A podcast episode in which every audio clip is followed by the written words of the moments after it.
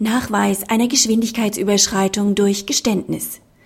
Bringt der Tatrichter in den Urteilsgründen eindeutig zum Ausdruck, dass er das Geständnis für zutreffend erachtet, sind weitere Ausführungen zur Glaubhaftigkeit des Geständnisses nicht erforderlich. Das Amtsgericht verurteilte den Betroffenen wegen einer Überschreitung der höchstzulässigen Geschwindigkeit um 65 Kilometer pro Stunde zu einer Geldbuße und einem zweimonatigen Fahrverbot. Zur Tat führt es aus, der Betroffene hat die Tat vollumfänglich eingeräumt. Die gegen dieses Urteil gerichtete Rechtsbeschwerde des Betroffenen, mit der er die Verletzung sachlichen Rechts rügte, blieb ohne Erfolg.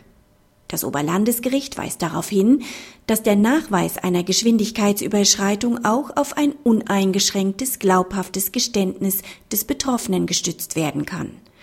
In einem derartigen Fall ist es nicht erforderlich, dass das Gericht im Rahmen der Beweiswürdigung Angaben zum Messverfahren und zum Toleranzabzug macht, vor dem Hintergrund, dass das Bußgeldverfahren nicht der Ahndung kriminellen Unrechts dient, sondern eine verwaltungsrechtliche Pflichtenmahnung ausspricht, reicht es aus, wenn der Tatrichter im Urteil ausführt, der Betroffene habe die Tat gestanden.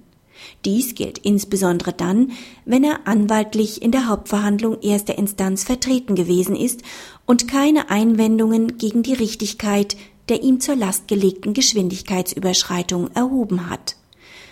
Wenn sich der Tatrichter Gewissheit von der Richtigkeit des Geständnisses verschafft hat, so genügt es, wenn er dieses Ergebnis in den Urteilsgründen dadurch zum Ausdruck bringt, dass er von einem glaubhaften und uneingeschränkten Geständnis des Betroffenen hinsichtlich dessen Fahrereigenschaft und der Geschwindigkeitsüberschreitung ausgeht. Weitere Ausführungen sind dann nicht erforderlich. Kritik die vom Betroffenen erhobene Rüge der Verletzung sachlichen Rechts war im Rechtsbeschwerdeverfahren nicht weiter ausgeführt worden. Vielleicht hat auch dieser Umstand zu der Entscheidung beigetragen. Die Entscheidung geht sehr weit, wenn sie vom Tatrichter nur noch verlangt, dass der Betroffene ein glaubhaftes Geständnis abgelegt hat.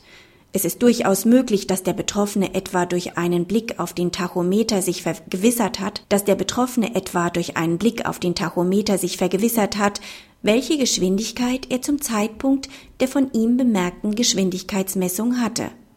Denkbar ist aber auch, dass er infolge Unaufmerksamkeit eine Geschwindigkeitsbegrenzung übersehen hat und bewusst eine unzulässig hohe Geschwindigkeit eingehalten hat.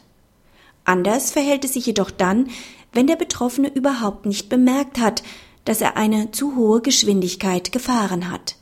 Wie will er dann ein glaubhaftes Geständnis ablegen?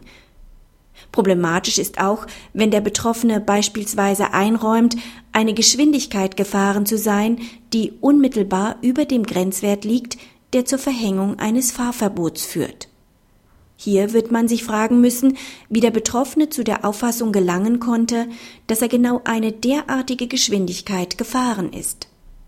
Somit sollte zumindest im Urteil kurz dargelegt werden, worauf sich die Einschätzung gründet, dass der Betroffene ein glaubhaftes Geständnis abgelegt hat.